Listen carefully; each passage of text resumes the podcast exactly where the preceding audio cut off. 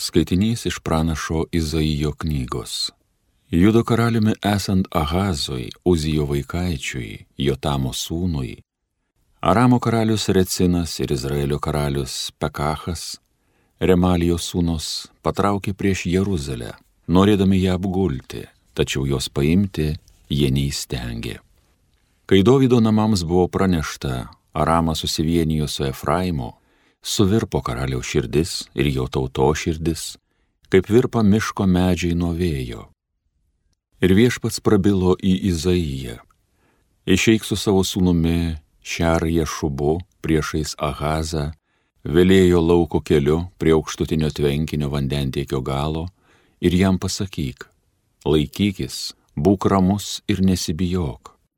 Tegul nenuliūsta tavo širdis prieš šitas dvi pliauskas, tuos smilkstančius pagalius, dėl degančio recino iš Aramo ir Remalijos sūnaus piktumo. Aramas Efraimas ir Remalijos sūnus sumanė tave pražudyti ir sako, patraukime prieš judą ir jį įbauginę savo atsiplėškim, o ten karaliumi padarykime tabelio sūnų.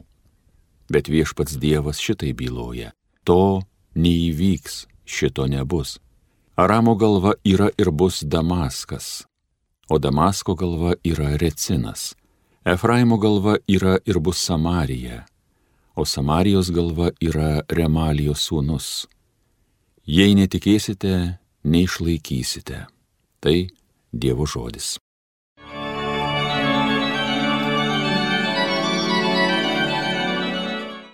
Savo miestą stiprina Dievas per amžius.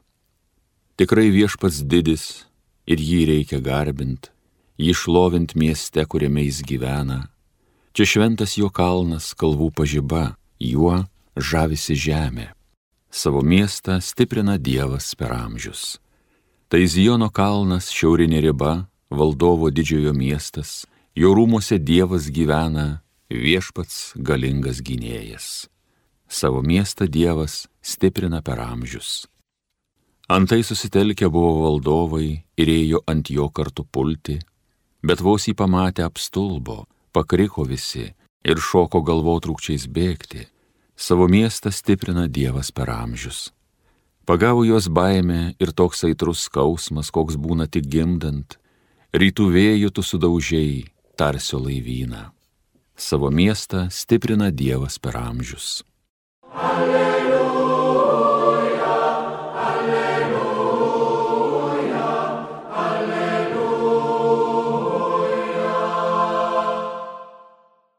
O kad išgirstumėt šiandien, ką jums viešpats byloja, tegul jūsų širdys nebūna storžėvis. Alleluja, alleluja, alleluja.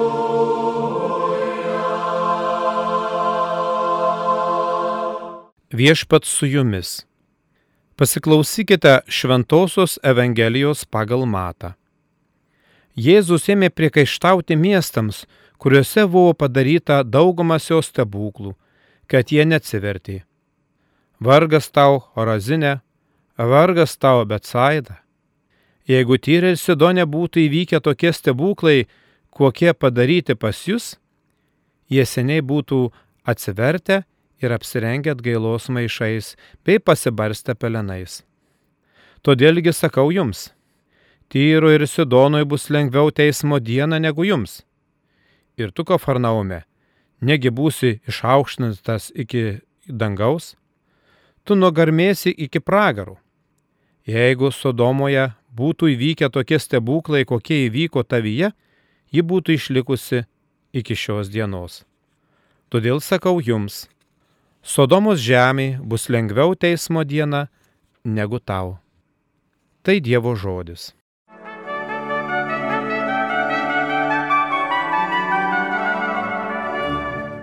Mėly Marijos radio klausytojai, brangus tikintieji, ką tik išgirdome ištrauką iš Evangelijos pagal matą. Kaip pastebėjote, Jėzus priekaištauja miestams, kuriuose buvo padaryta daugumas jo stebuklų ir kad jie net gailavo. Mes išgirdome du miestus - vargas tau Horazinė, vargas tau Betsaida. Tačiau niekur Evangelijose nerandama, kur būtų minimi stebuklai šiuose miestuose. Štai kodėl apaštalas Jonas savo Evangelijos pabaigoje rašo. Yra dar daug kitų dalykų, kuriuos Jėzus padarė. Jeigu juos visus atskirai aprašytume, manau, kad visas pasaulis nesutalpintų knygų, kurias reikėtų aprašyti. Jėzus mini Tyrą ir Sidoną. Tai du neatsiejami senovėje klestantys miestai. Tyras praturtėjo dėka žymių Sidono pirklių, kur turtas užima pirmą vietą, ten klesti ir nuodėmi, todėl Senajame testamente skaitume apie prakeiksmus šiems miestams bei jų žūtį. Šalia anksčiau paminėtų miestų Jėzus mini mums gerai pažįstamą Kafarnaumo miestą, kuriam taip pat griežtai pasako, Sodomo žemėje bus lengviau teismo dieną negu tau. Ir tie, kurie skaitome Evangelijas, tikrai atsimename, kad tai ne vienintelė Evangelijos vieta, kur Jėzus kalba griežtai, kaip vaikai sakytų kietai. Atrodytų tai nesiderina su Jėzaus dažnai kartojamomis ištarmėmis apie meilę, apie nuolankumą, pakantumą, apie atlaidumą. Galėtume priminti daug Jėzaus pamokymų apie tai, bet priminsiu keletą jų. Na, pavyzdžiui, Evangelijoje pagal Matą penktajame skyriuje Jėzus kalba apie meilę priešams. Jis kviečia mylėkite savo priešus ir melskitės už savo persekiotojus. Evangelija pagal Joną. Alsuote alsuoja Dievo meilę ir kvieste kviečia meiliai. Taigi daugelis mūsų mintinai žinome Jėzaus žodžius pasakytus nakčia pas jį atėjusiam žydų didžiūnui fariziejui Nikodemui.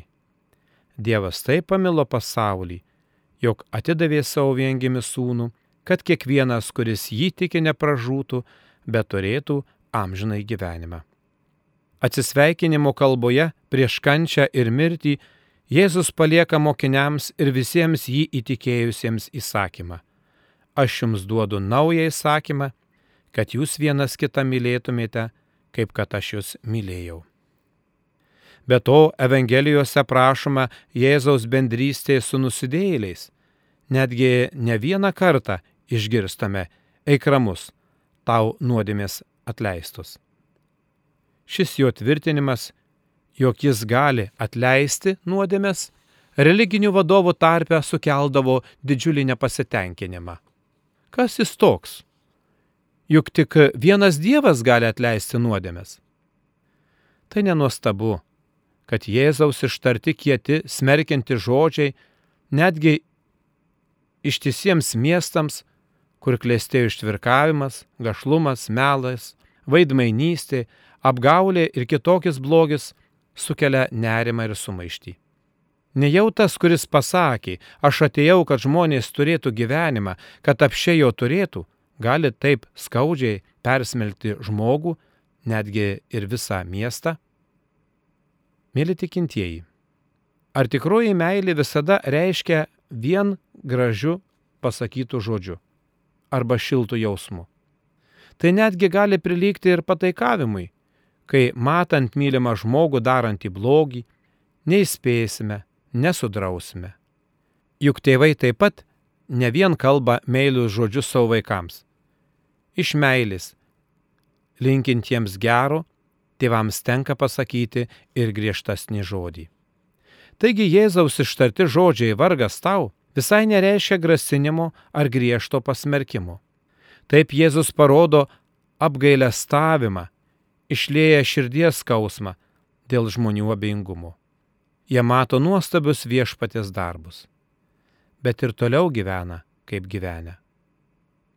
Tas žmonių abejingumas, savanaudiškumas, paviršutiniškas žvilgsnis į Jėzų privedė prie to, kad ta pati minė vėliau skanduos ant kryžiaus jį, ant kryžiaus. Mėly Marijos radio klausytojai. Atsivertimas, o tuo pačiu ir atgaila reikalingi visiems. Dėja, šiais laikais ne visi supranta atsivertimo, atgailos ir išpažinties svarbą. Kiekvienas mūsų gimstame su prigimtiniu polinkiu nuodėme. Apaštalas Paulius laiškė romiečiams rašo, aš žinau, kad manyje, tai yra mano kūne, negyvena gėris. Mat aš sugebu gero trokšti, o padaryti ne. Aš nedarau gėrio, kurio trokštų, o darau blogį, kurio nenoriu. Jeigu darau, ko nenoriu, tada nebe aš tai įvykdau, bet manyje gyvenanti nuodėmė. Tad pripažinkime, kad mums žymiai artimesni egoistiniai įstatymai nei meilės įsakymai, o atlikti kažką blogo žymiai lengviau nei nuveikti kažką gero. Juk žymiai lengviau apkalbinėti žmogų, pastebėti jo blogasias savybės nei gerasias, žymiai lengviau kritikuoti nei pačiam kažko noriu padaryti gero. Žinoma, teisingai auklydami tėvai gali savo vaikuose išugdyti pačias geriausias savybės. Tačiau netobula dvasinė prigimtis, paveldėta iš pirmųjų protėvių, niekur nedingsta. Susiklošius tam tikroms aplinkybėms, gali prasiveršti ir agresyvumu nustebinti netgi patį artimiausią žmogų. Vienas psichologas palygino šitą reiškinį su viena istorija, aprašyta spaudoje. Joano šeima, vos gimusi jų dukrytė, nupirko jai gyvą žaisliuką - mažą panterą. Mergytė ir gyvūnas gražiai sugyveno. Ištisas valandas kartu žaisdavo. Metai bėgo ir netrukus iš mielo kačiuko pantera pavirto į didžiulį žvėrį. Kaimynai tėvus perspėdavo, kad namuose laikyti tokį žvėrį labai pavojinga, tačiau jie nekreipė dėmesio. Juk pantera kartu su dukrele užaugo, susidraugavo, tapo naminė ir visiškai nepavojinga. Bet kartą mergaitė žaisdama su globotinė įsidriskė pirštą. Gyvūnas sulaižė kraują ir akimirksniu meili draugiška katytė pavirto laukiniu kraujo ištroškusių gyvūnų.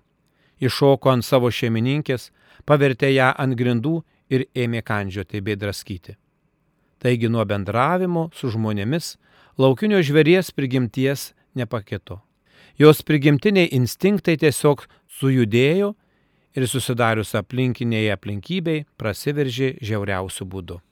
Taip ir su žmogumi prigimties niekas negali nugalėti, nebent tik tai mūsų gelbėtojas išganytojas Jėzus Kristus.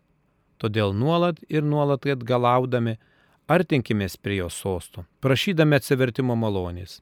Tegul mus drąsina Kristaus žodžiai. Sakau jums taip ir drauge bus daugiau džiaugsmo dėl vieno atsivertusių nusidėlio, negu dėl 99 teisiųjų, kuriems nereikia atsiversti. Amen.